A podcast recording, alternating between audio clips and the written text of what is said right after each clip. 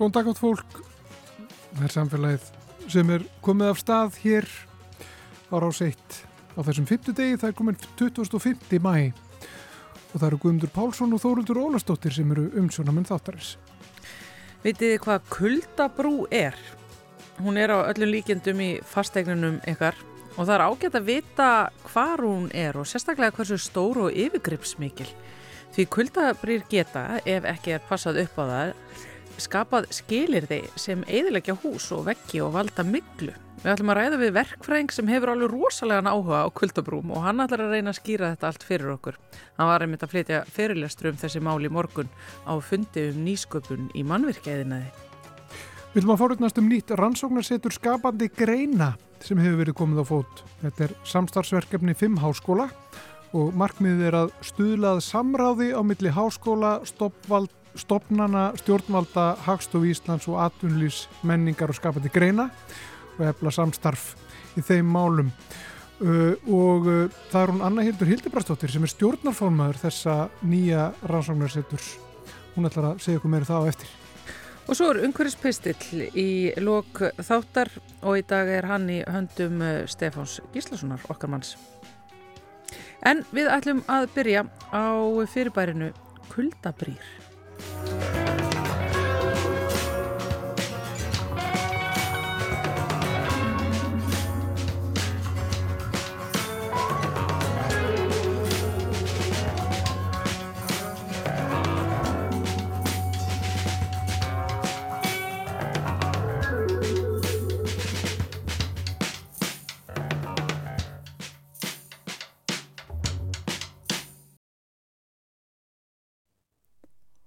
Við ætlum að ræða um fastegnirnar okkar, húsin sem við byggjum og dveljum í alla jafna hér í samfélaginu.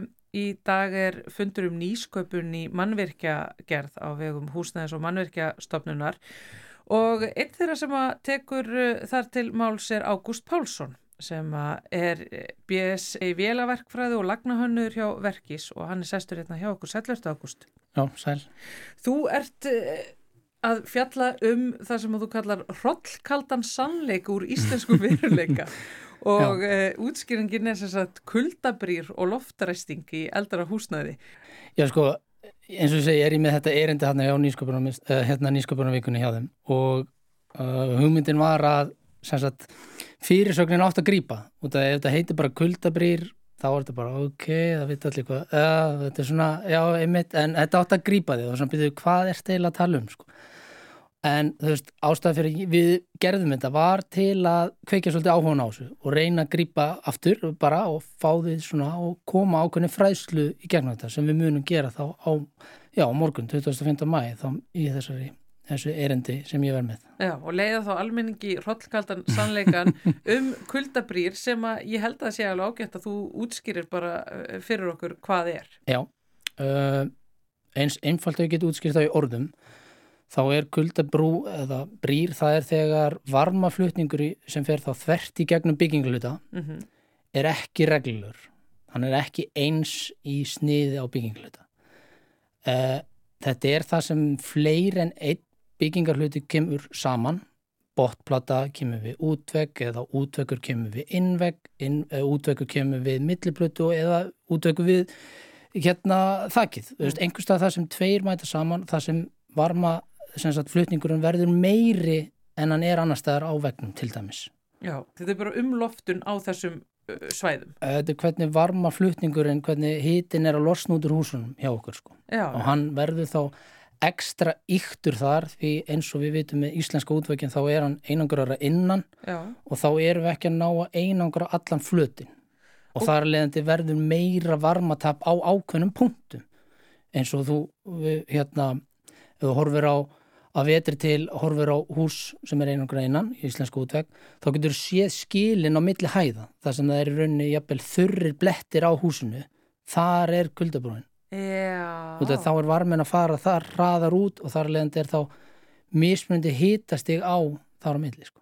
Já, já, maður sér þetta líka náttúrulega þegar snjó er svona snjóhraunuð hús þar sem að snjóum festir ekki, þar er kuldabrúin Já, pretty much. En, og hvað, er eitthvað slæmt að vera með svona kuldabrú? Já það er bara mjög slæmt sko. Ákverju? Eða sko, kuldabrú, það, það er kannski, þú kemst aldrei hjá því um uh, kuldabrú. Ég meina, þú veist, eins og ég sagði á það sem tveir byggingar hlutur koma saman. Þú ert alltaf með útvek og svo ertu með glugg, glugga. Já. En það er kuldabrú þar á milli, en við erum með ákveðna aðferðir til að le- leysa það. En við erum bara, eins og ég segi, þú veist, þetta er svo slæmt út af því að við erum í hættu á rakaþéttingu. Og ég held að þekktasta svona miklumáli út frá kuldabrú, þó ég segi sjálfur, er þessi kverk uh, upp í úthotni þegar maður lítur upp maður hefur oft séð myndir einhver störa, kuldabrú mikla og þá er svona mynd af einhverju kverk upp í hotni sko, Mhm. það sem miklan er en það er mitt mjög slæm eða getur verið slæm kuldabrú og þá verður sem sagt flöturinn á byggingarlutunum það kaldur að þegar heita loft inn í það snertir þetta, þá myndast raki dagamarki. Ekkert ósvipað eins og ef við ættum að lýsa þessu bara, þú fer í sturtu og það er utanleikandi klósettkassi Já. og hann er með 5 gráð heitt vatn kannski í honum, svo fyrir sturtuna og þá verður heitara og það verður rakarloft svo ferðu úr sturtunni og þá, þá er sko klósetkassin bara blöytur. Já, hann er svo döggvar á hann. Já. Já. Það er nákvæmlega það sem er að það er það sem er að gerast. Bingo. Og þegar maður einmitt, að þú ert að tala um þessar kverkar sem að ég held að allir þekki, þessi Mhm. mynd þar sem að er einmitt sko, og það er oft dökkur litur Já. eða svartur, það er þá bara af því að þarna er raki og Já. þarna kveiknar líf. Já. Þannig að kuldabrúin er undanfæri miklu. Já, í rauninni sko, e einn af því. Svo er þetta náttúrulega má færa rauk fyrir að þetta er líka bara viðhalsleysi og eitthvað svoleið sko, en ég vil meina, persónulega vil ég meina að þetta er svo slæmt út af því að sko eins og Indriði sem er hérna að vinna á mér í verkis sem hefur opnað rosalega augun mín á þessu, þú veist, ég var meira að rekna þetta og hann bara fór í dýpir fræðin og ég fór ennþá dýpra og dýpra alveg bara kann ekki hætta jafnvel sko. Já, og hann var svolítið svona benda mér á sko ok, það getur verið rakaþetting en þetta er líka skemma bygginglutan Já. þannig að það myndast ákveðin svona spenna samdráttur og, og, og, og þensla sko á milli bygginglutana þannig eins og vorum að tala um það sem uh, á útvegg þegar þú sér kuldabrúna hann þvertu við milliblutun og milli hæða Já. Þar er mismunandi spenna út af því að veggurinn er kaldari en það sem milliplatan er og þar að leiðandi verður mismunandi þensla á vegnum og þannig mynda sprungur. Svo koma kannski sprungunar og þá verður ennþá meiri, meiri sagt, kuldabrún ennþá verri og ennþá meiri líkur að raka þetta og það er ennþá meiri líkur á miklu þannig að þetta er svona Það reyndir að staða ykkur svona eðlisfræði Já, sem að bara hliður utan á sig. Og er vond má. Sko, að því þú talar um að veist, það er eiginlega náttúrulega ekki hægt að komast hjá því að sé kuldabrú þegar Mhm. þú setur tvo byggingar hluta saman en það er einhverja leiðir til þess að losa um hana eða, eða, eða gera hana ekki að þessum stjórnljus og stjónbolta á leiðinni niður mjög bratta brekku. Hva, hvaða leiðir gerum við, getum við þá gert til þess að- koma í veg fyrir kuldabrýr? sko Eða minka áhrif, áhrif þeirra uh, sko rakaþetting er aðalega háð ástandi inn í þaður þannig því heitara og því rakara eins og ég nefndi styrtudæmi á hann því Mhm. verra er það þannig vandamáli er að þetta er að virka í sjá sumu fólki og það er líka ekki að virka. Þannig íslenski útveikurinn er að virka en hann er líka ekki að virka. Þetta er, já, út af því að ég til dæmis er með opin glugga hjá mér allan daginn, alltaf smá rifa þannig ég er alltaf með ákveðin loftskipti og ég er með rakamæli og hitamæli hjá mér til að fylgjast með þessu þegar maður er að þó þvótt og opna það ennþá meira. Svo er kannski á þess að gera lítið úr gömlu fólki eða er, er, er að þeir vilja oft hafa þess hlýri hjá sér Já, og kannski aðeins rakari hjá sér. Já, ég þekki nú bara hjá tengdöfum minni að fara í heimsók þar, það er bara að maður fer alltaf beint úr peysunni sko. Já, ég þekki fólk á þessum aldri Já, og, og Og- hlýjendin heima hjá og þá eru þá meiri líkur að í húsnæðin hennar verður mikla út frá kuldabrunni eða bara, eða bara, jafnvel bara verður mikla í hennar húsnæði versus hjá mér út af ég hugsa um- þannig að í rauninni hvað er þetta að gera í eldri húsnæði? Það er mörg hús á Íslandi núna sem eru byrjað að einangra húsin sína utan. Semst, eldri húsnæði sem er bara búið að setja einangrun og svo viður uh, svona eins og álklæningar eða eitthvað svo liðs en svo er hægt að reyna auka loftununa og bæta þá loftræsingu húsins Og, og, og, er það bara þá að opna gluggan eða veist, er hægt að fara í einhverjar Já, það er einfaldalegin uh, ég persónulega er sjálfur að eins og segi, þessu erindi sem ég ætla að tala um, þá er ég að tala um hvaða lausnir eru til á markanum, svo maður sé ekki alltaf að opna og loka glöggunum heima á sig, sko. Að það er til dæmis að þetta setja svona ákveðin rör sem er með svona keramikupp í miðunni þannig hann sér, þetta er bara 100-200 mm rörbútur sem fer í gegnum útveikin og það er bara með viftu og sér um þá loftskiptin fyrir því. En þú færð ekki ískallt loft inn út af þessi keramikuppur þegar þú blæst heitu loft í gegnum þá hittnar hann, svo snýr hann við og fer að blása köldu inn en fer í gegnum keramikuppin og þar leðandi færði ekki ískallt loft inn Já. sem er mitt vandumálega við kuldabrýr og þessa rakaþetningu þetta er vest á vetuna, við viljum helst að hafa lokaðan glugga hjá okkur sko. en ættum í rauninu að vera með mestu loftunum þá sko. Já, en uh, þetta er góð löst á fyrir kuldakrestunar. já, já, nákvæmlega En sko, af því að þú talar um íslenska útvekkin og, og, og, Mhm. og, og jáfnvel kannski að þetta sé þá einhverju leiti sér íslenskt vandamál. Uh, þessar afleðingar á því hvernig við erum með heima hannaðar kuldabrýr í öllum húsunum okkar. sko ég er engin sögufræðingur þannig ég ætla ekki að fara að reyna að koma mér út í þessu en ég veit að nágrannlöndin okkar líta miklu alvarlega á þennan hlut þetta fyrirbæri kuldabrú og mín upplöfun er svolítið þannig að, að það er verið að líta á þetta sem varmatapp en við ættum frekar að vera að líta á kuldabrú sem skadvald um leið og breytir þessu orði í skadvald ástæðan fyrir ég vil vera svona drastiskur er að ég vil ræða fólk sko. það er uh, út af því að við eigum að vera hrætt, við viljum ekki að eignin okkar miklu og skemmist æfisbarnaðurinn farin bara út um gluggan sko. Já.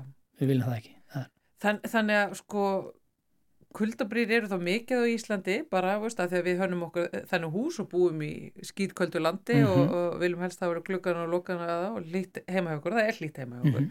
uh, en við erum hins vegar að verða fyrir verri afleðingu mögulega en nágranna löndin okkar. Ég meina, veist, miklumál eru endalus á. Íslandi. Ég meina, það er bara virðist ekki vera byggðu skóli það virðist bara ekki vera skóli á landinu á þess að þessi mikli í honum og þetta er alltaf að koma upp. Það eru Mm. fréttir í hverja einustu. Það er Já. stórfældum skada og það er bara almenningsegnunum og svo náttúrulega það sem að veist, einstaklingar eru að lenda í. Veist, Mhm. Ég meina, þetta er þetta er kuldabrúin, hún nýtti þessu stað.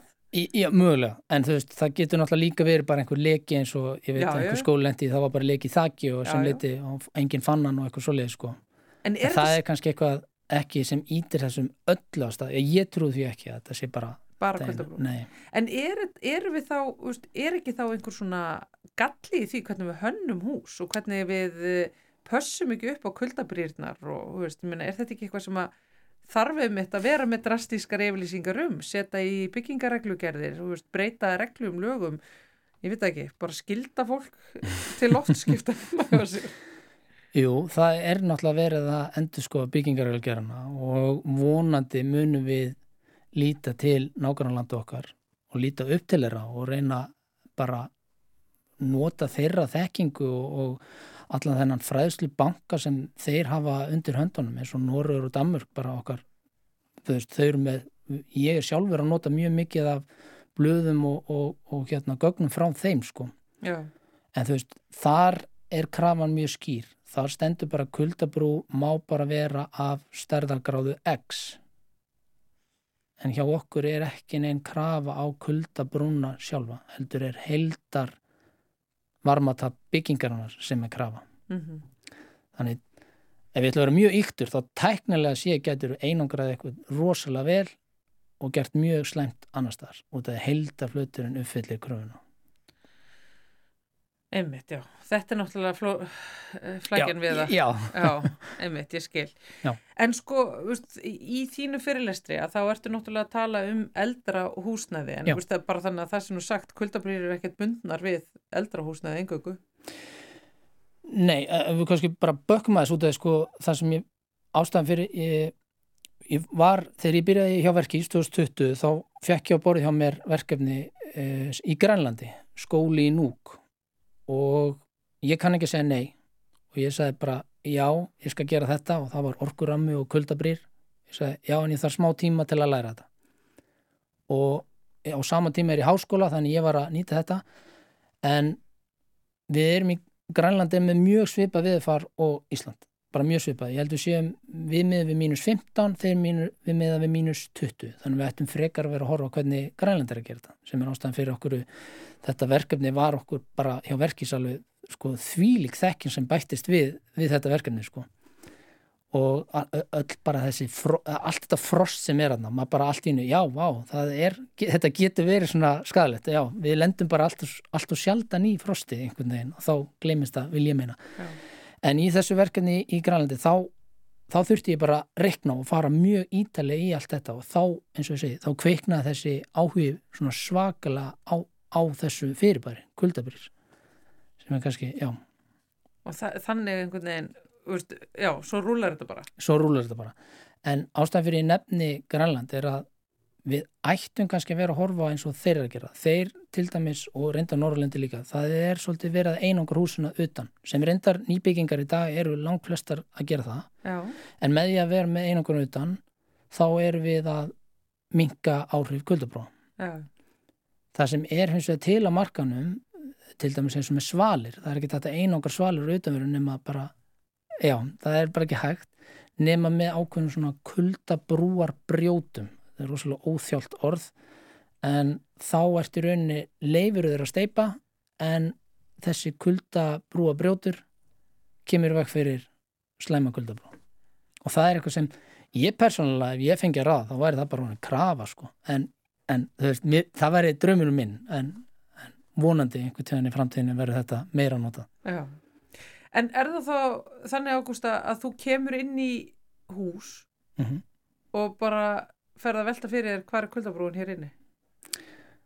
Sko, ég er náttúrulega líka lagnahannur þannig eins og kærasta mín bendi mér oft, ég má valla fara út úr hús þannig að ég sé að horfa og skoða eitthvað í kringum mig þannig já, ég spá í þessu og ég spáði reynda líka í lögnum en ég spái rosalega mikið í þessu en ég hef líka brennandi áhuga á þessu þannig það má nána segja þetta sé hobby hjá mér sem er mjög mikill kostur mér hlakka til að fara í vinnuna þannig að Já. það er mjög gott Já, það er náttúrulega frábært.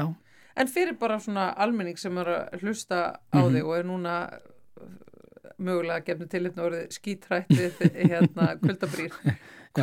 Eða að finna þær heima hjá okkur? Þetta er náttúrulega eins og einhver svona ósýður skadvaldur af því að veist, við erum ekki með veist, verkfræðu auðvitað þitt. Sko það er hægt að leia svona hita myndavilar og þá var það svona eins og regnbói re, svona, þú tekur myndavel og þú bendir einhver staðar og það er bara svona eins og regnbói þannig ja. Dökkblátt er mjög kallt og heitt er mjög heitt þannig að þú getur séð eins og opnalagninnar í vegnuðinu með eitthvað svo leiðis en þá getur farið í kverkarnar og séð hvar kuldabrúinni er og séð hvað það er kallt ja. en mitt ráð væri náttúrulega nummer 1, 2 og 3 væri bara að lofta að vera dugleri að taka almennilega loftskipti inn á heimilin. Já, bara ég, bæta sig einnig peysu já, já, ég er nú ekki að segja að það þurfa alltaf að vera skiptkald en jú, það væri náttúrulega besta leiðin til að losna við rakaþettinguna það var bara 10 gráður inn í sér en, en, en, en það væri alltaf að lofta og reyna að fá ferst loftin fyrir utan þá er það náttúrulega bara sko upp á lífskeið að gera þá er það náttúrulega bara mjög mikilvægt að vera með góð loftgæði sko. Já, og líka bara fara vel með það dýrasta sem maður á svona Já. efnislega sko. Já, eins og þú varst að tala með loftaræsingi eldri húsnæði, það er einmitt í þessu erindi sem ég er með, þá er ég að sína svona að við getum list og list vandamála á eldri húsnæði án þess að hafa stokka yfir miðju stó, stofunni hjá þér til að fá einhver betri loft, það eru til lausnir á markanum sem myndu henda fyrir húsnæði hjá hverju sem er sko. Já, og það er ekki ljótt Nei, e, nei, þú veist, það er bara, e, nei, það er bara svona svo túða á vegg, það er kannski ekki ræðilegt sko. Já, það er hægt að vinna með það. Eh, þessi fyrirlestur er mitt hluti af nokkrum á, á viðamikilli darskrá í fundi húsnæðis og mannverkastofnunar í tilhefni nýsköpunar viku, viku sem að var að klára sig núna í hátteginu og þinn fyrirlestur, Ágúst, ásand öllum hinnum, hann verður ínálegur held ég og hægt að finna hérna linkin á þessa fyrirlestur alla inn á heimasíðu uh, húsnæðis og mannverkastofnunar. Já hvetjum fólk til þess að kíkja inn á það og, og hlusta á þig og, og alla aðra og, og grýpa síðan jafnvel til einhverja aðgerða. Ágúst Pálsson eh, BS í Vélaverkfræði og Lagnahöfnur hjá Verkís Takk hérlega fyrir að koma yngar í samfélagi Takk.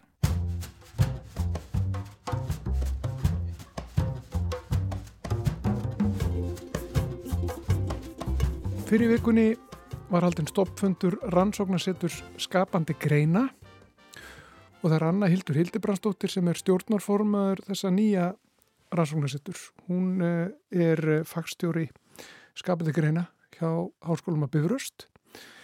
Ég var að byrja bara á að, að fara yfir það hvað, hvert er hlutverk þessa nýja rannsóknarsetturs?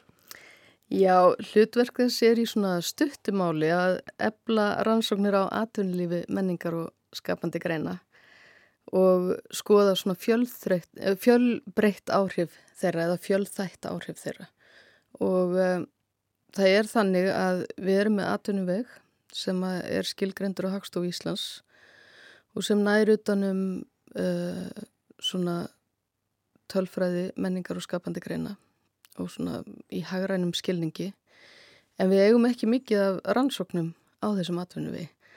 Það var gerð kortlagning á hagrannum áhrifum árið 2011 kom ellum ávart hvað var í gangi þá að sjá veldu tölunar uh, síðan er eins og svona maður held að þetta væri að verða ríkfallin skísla en það var svo blásið svona lífi í þetta með um, aðgerðum ríkistjórnarinnar 2019 þegar var uh, stutt við stöðugildi hjá Hagstofinni og síðan er búið að vera þróa menningavísa þar. Og þetta gefur ákveðin gögn til að stunda ákveðna rannsóknir. Og með þessu skrefi sem að fimm háskólar standa að að þá um, teljum við að það sé grundvelli fyrir því að fara að rína og skoða betur tækifæri, möguleika í svona, já, fjöl, með fjölbryttum hætti. En fyrst og fremst núna erum við að skoða talnasöfnin, við erum að skoða hvaða gögn eru til aðna og við erum að rína hvar þarf að stoppa í götin og hugsanlega gera betur. Já, og ef við veltum þá fyrir okkur, hvað fellur undir skapandi greinar? Já, þetta eru tólf atvinnigreinar í rauninni. Og það kom fram núna, þessast menningavísatnir á Hagstof Íslands voru gefnir út fyrst 2021 og síðan aftur núna í mæ 2023 og þá eru þetta, þetta eru svo satt kvikmyndir, þetta eru tónlist, þetta eru bókmyndir, þetta er uh, myndlist, þetta eru fjölmila líka og prentun. Og svona, eru, þetta eru þetta er flokkað í tólf atvinnugreinar og ja. þessar tólf atvinnugreinar mynda saman menning og skapandi greinar. Undir þetta fellir líka tölvileikir. Og þessar, þessar greinar sem þú nefnir og þessir, þessir atvinnuvegir í runni sem þú nefnir, þessi starfsemi, eh, þetta, þetta getur líka verið stiðjandi, er það ekki fyrir aðrar atvinnugreinar? Jú.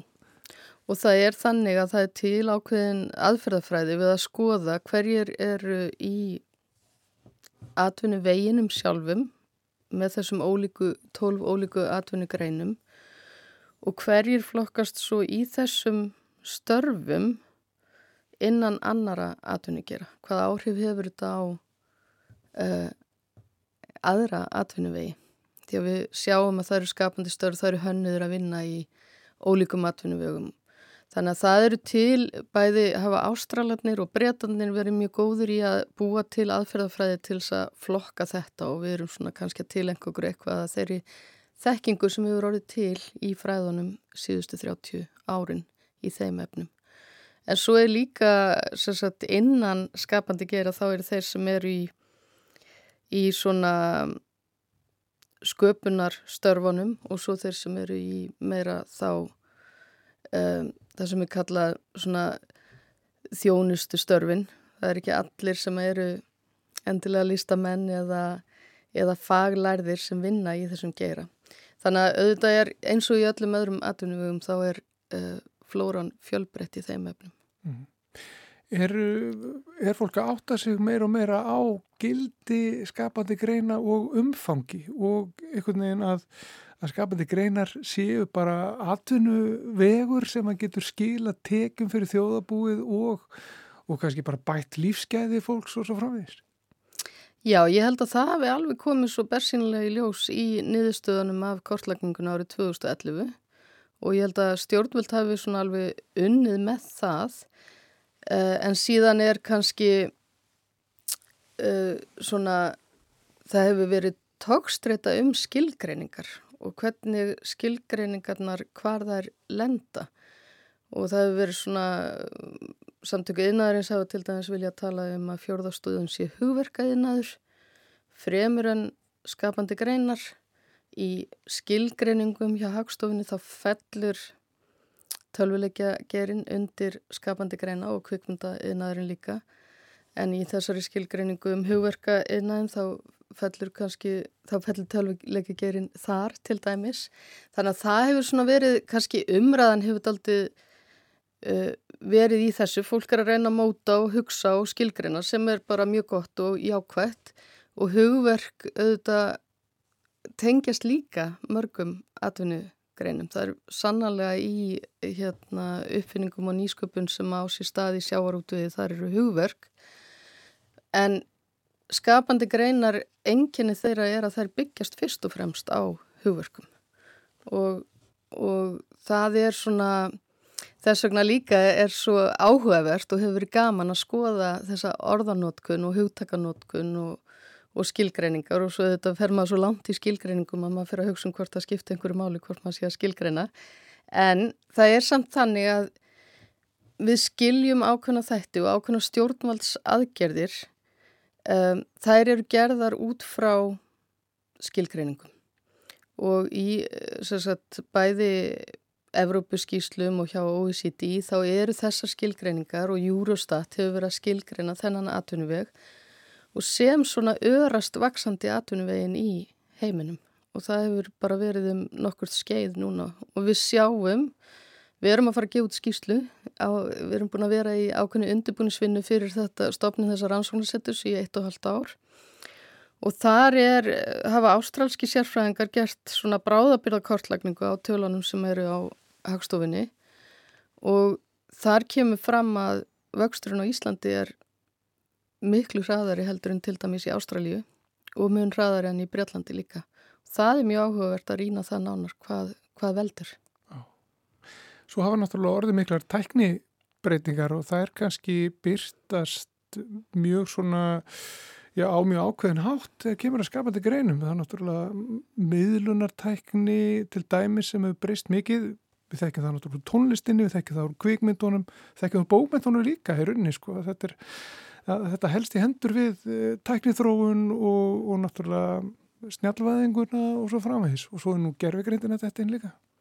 Þetta eru alveg gríðarlega spennandi tímar og hérna gerfigreindin vinkonakkar er farin að semja hittara og, og bara nýtist í allskynns samstarf og það er spennandi. Það vil líka verið vara við hættanum ef hún gengur alveg laus en einmitt þess vegna er svo áhugavert að fá rannsóknarsettur sapna saman uh, þeim sem eru að rannsaka og hugsa og fá þá til að sinna þessu um, svona, já, þessum geira með meira hætti. Við eigum allt og allt og lítið á rannsóknum í skapandi greinum og sérstaklega út frá þessum svona atvinnuvegs pælingum.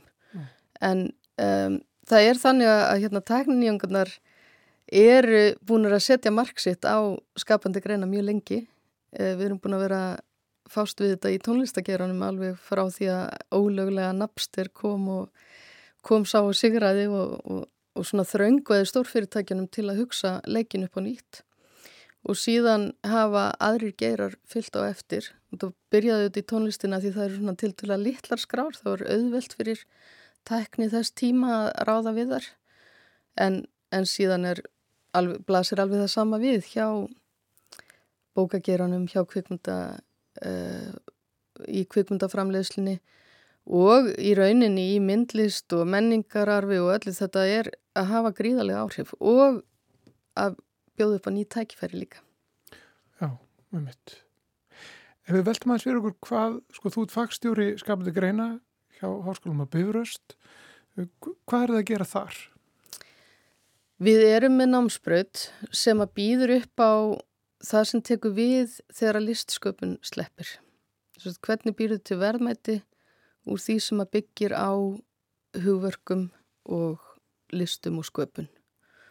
Og um, þar eru við að skoða svona, já bæði þessar skilgreiningar og fræðin sem að liggja baki því sem eru kannski ekki svona sprottin upp úr hefðbundnum akademiskum jarðvegi, heldur eru þar svona, þessi fræður eru sprottindaldið upp úr raunveruleika sem að stjórnveld þurftu að ráð, ráðfara sig við sérfræðinga og fá það til að hugsa um, stefnumótun með sér upp á nýtt.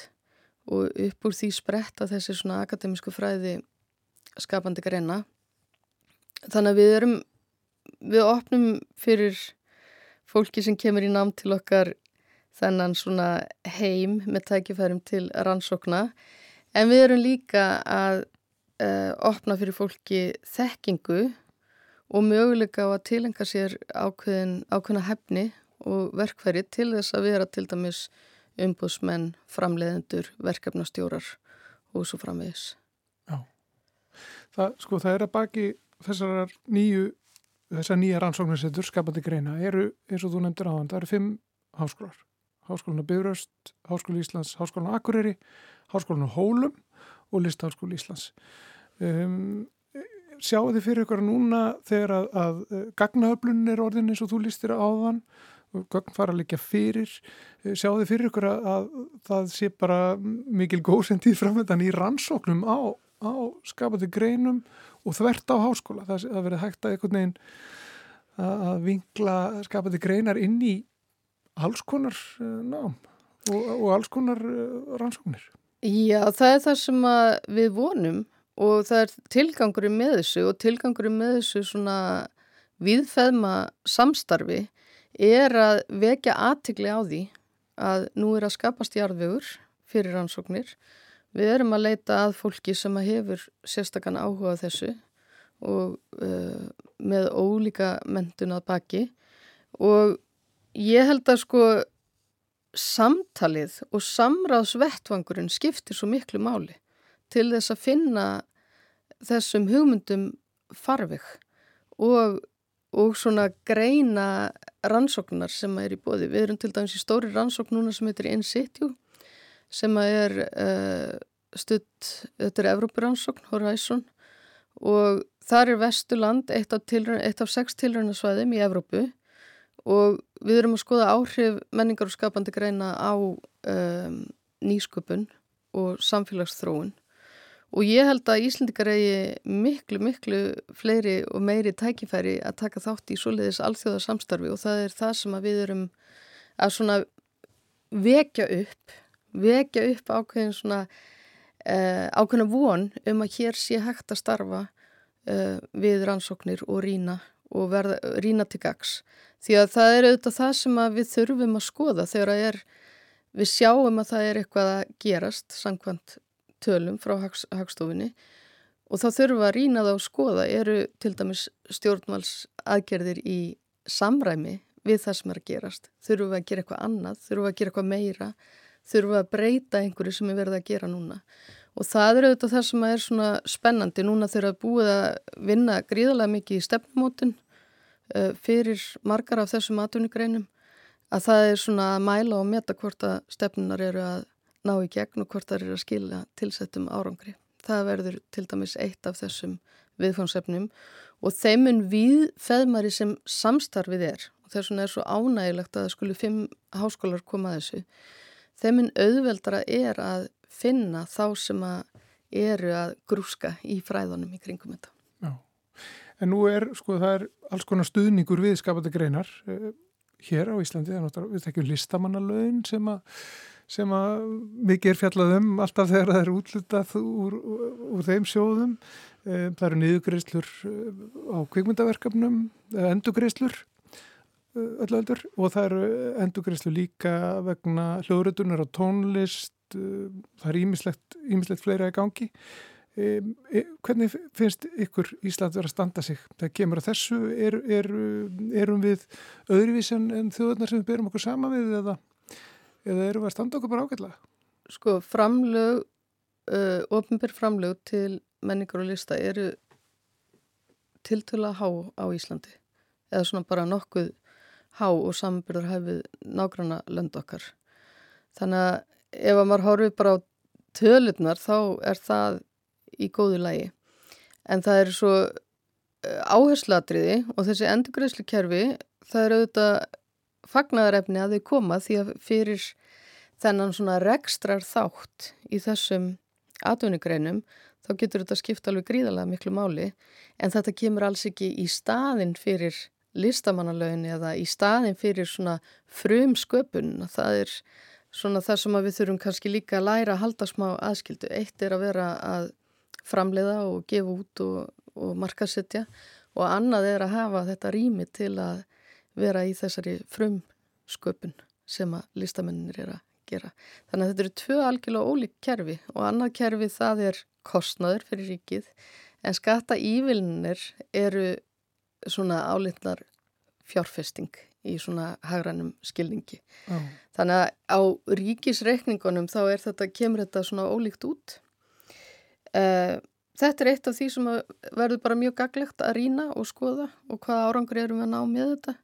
Það er líka til dæmis í kvikmyndagerunum verður að skoða, eða sérstaklega verður að tala um innan gerans, e, eigum við að vera að satsa á þessu stóru Hollywood verkefni eða eigum við að styðja innlendu framleysluna betur. Þetta er allt svona boltar sem verður kastað upp í þessari umræðu sem mun skapast þegar fólk fyrir að skoða hvað þarf að rannsaka og rína. Já, og svo er uh, spurning hvað eru verðmæti, sko. Það, það er oft talað um krónur og öra, að það, þú setur eina krónu, eh, hver króna sem er sett í endugreyslu og okkur verkefni skili á svona mörgum krónum tilbaka og svo frávegs, en svo eru við með hugdagi svo bara menningaverðmæti sem er eitthvað sem bara já, er kannski mikilvægt fyrir samfélag að eiga. Nákvæmlega og það er náttúrulega það sem við erum aldrei að skoða í þessari einsýttjú rannsókn, þessar samfélagsþróun sem skapast af menningarstarfsemi og þess vegna eru við líka með inn í þessum markmiðum okkar að skoða fjölþætt áhrif skapandi greina á samfélagið. Og það er náttúrulega núna líka þegar að gerfigreindin er að fara að leysa ímislegt á hólmi þá verður enn áhugaverður að skoða hvað fælst í því sem að listur og menning getur bóðið upp á hvaða áhrif getur það til dæmis haft í helbreyðiskerfi og mentakerfi og, og áhverju þurfum við að halda? Ég var á mándaskvöldi á hérna, tónleikum hjá Korda Samfóníu ég held að kalli sig óvenjulegustu hljómsveit Íslands. Þar sem að einmitt helmingurinn kemur úr starfsendurhefingu og helmingurinn eru uh, mentaðir hljóðfæraleikarar. Og þau frumsemja allt sitt efni sjálf. Og það var alveg stórkoslegt að sjá þetta og þarna sér maður að það eru þetta það er einhver, það er einhver svona aðri tilgangur með listanum í að lifta andanum og allt sem að í því fælst og við mögum ekki gleyma að hafa, halda, hafa augun á því líka. Og ég er svo upptekinn af hérna, Guðmundi sinni sem var að halda merkilega fyrirlestra á áranum 1910 og 11 og eitt af því sem hann til dæmis fjallar um er að listin sé svona uppspretta sífældrar nýsköpunar og notar orði nýsköpun á þessum tíma og hann fjallar líka um að það sem aðgreinur okkur frá öðrum dýratögundum er einmitt listin og það sem hún getur gert fyrir mannshugan. Þannig að auðvitað er það líka mjög áhugavert og þó svo að við séum upptökin af þessum hægranu uh, eh, rannsóknu núna og talna gögnum sem er verið að sapna og svona henda einhverju reyðu á loksins núna undanfærin misseri að þá megum við ekki missa sjónur af því sem skiptir máli fyrir mannsandan. Já, það er gott að ljúka þessu bara með þessum orðum Anna Hildur Hildebrastóttir eh, nýr stjórnaformaður, nýs rannsóknarsettur eh, skapandi greina og fagstjóri skapandi greina hjá Háskólum að Börust. Takk fyrir komuna í samfélagið.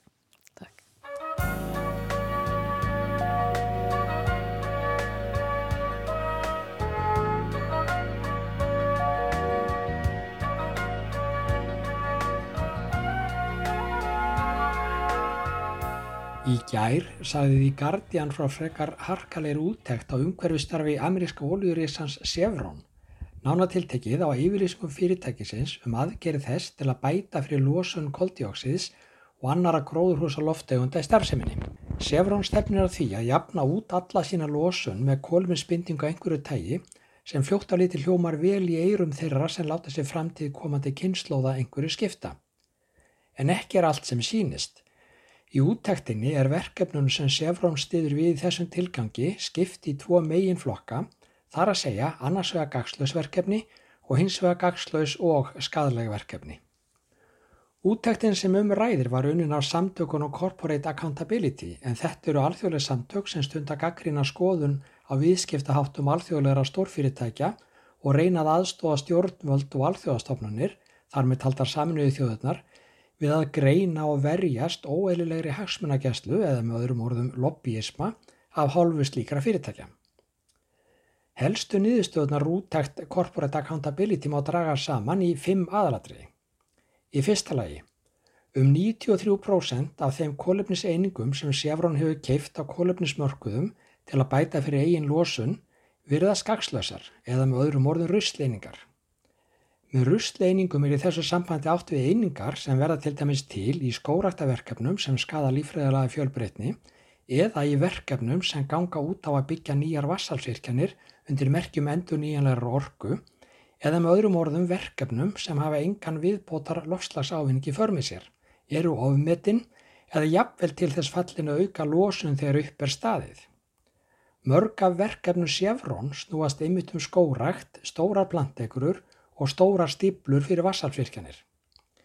Í öðru legi, tæknilegar lágkólefnislausnir sem fyrirtækið hefur fjármagnað virðast hvergi nærri skila þeim samdrætti losun sem lofað hefur verið. Í sumu tilvíkum er raunverur árangur aðeins um 50% af því sem staðhæft hefur verið.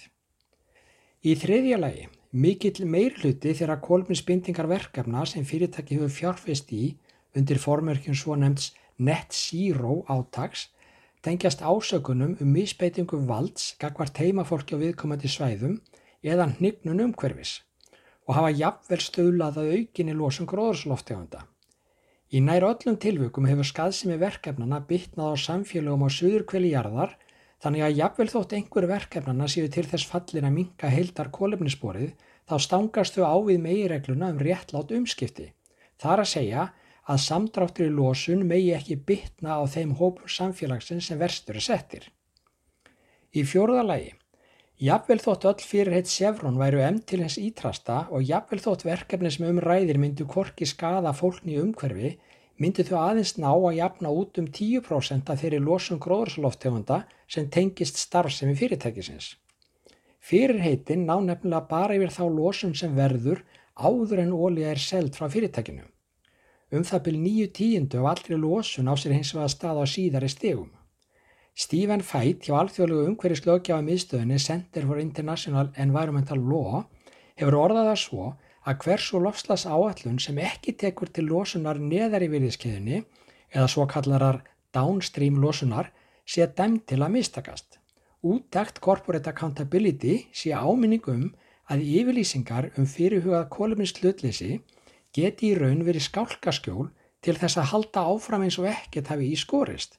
Það er að segja, halda áfram með það sem oft er kallað business as usual án þess að mjagast neitt í átta markmiði Parísasamkomlagsins um einnar og hálfrar gráðu hámarslínun. Í fymta lagi, Sefrón horfi fram hjá þörfinni á að hætta nótkun jarðefnelsniti sín á henni framtíð, jafnvel þó þessi þörf byggja á traustum vísindarlegu niðurstöðum. Ef svo heldur sem horfir verður losun fyrirtækisins á árunum 2022 til 2025 jafni mikil og losun tíu tiltekinn Evrópulanda samanlagt á sama tíma. Nánatiltekið Noregs, Svíþjóðar, Danmörkur, Íslands, Lettlands, Litáen, Östuríkis, Sviss, Slovenju og Íslands. Og enn er Sefrón að ráðast í ný olíuverkefni sem munur auka losun enn frekar. Úttækt Corporate Accountability er enga veginn svo fyrsta sem vekur upp spurningar um ágæti hinn að ímsu kólefnisjöfna verkefna, þar að segja enga veginn svo fyrsta sem bendir á að fyrirheitum kólefnisjöfnun og föngun kólefnis séu ofta á tíðum fölsk fyrirheit sem gera mengunavöldum kleift eða hvetið á jafnvel til að halda áfram að losa gróðursaloftegundir út í andrúsloftið eins og enginn sé morgundagurinn.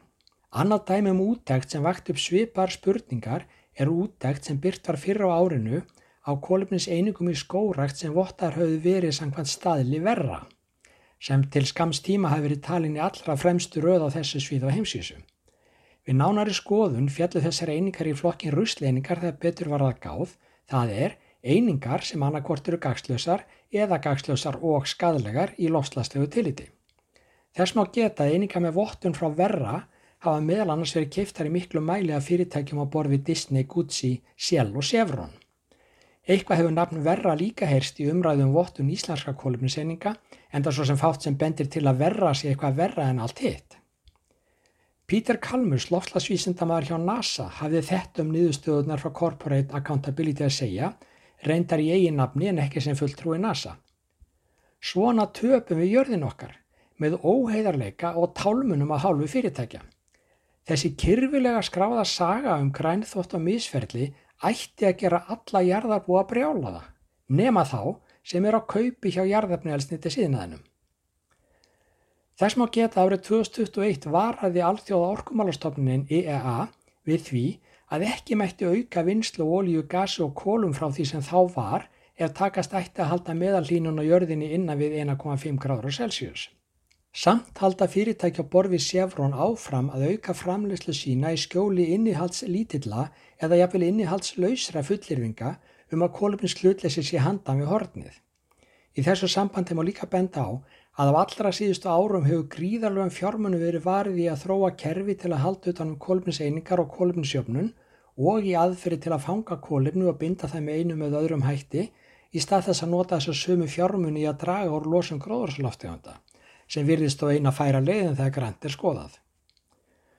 Nú er eðlilegt að spurt sé hvaða erindi allt þetta tal um innihaldslausar fullirðingar Sefrón eigi við venjulega Íslendingar sem hlusta á samfélagið á rás 1 en það sjáu Sefrón merki hvergi á íslenskum bensinstöðum. Svar við þeirri spurningu er að íslensk fyrirtæki eru væntanlega ekkert öðruvísi en útlensk fyrirtæki þegar kemur að því að markasetja vörur og þjónustu undir fölskum kólefnisjöfnunar flöggum. Dæmum slík flögg hafa meðlan sést hjá íslenskum oljufélögum, bílaumbóðum og flöggfélögum.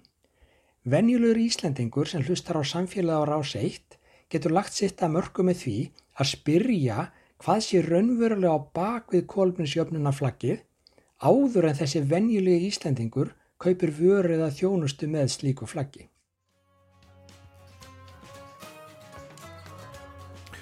Sæði Stefan Gíslason, umhverju stjórnunafræðingur í sínum eh, pyrstli sem að flyttu nú hér reglulega alltaf hjá okkur.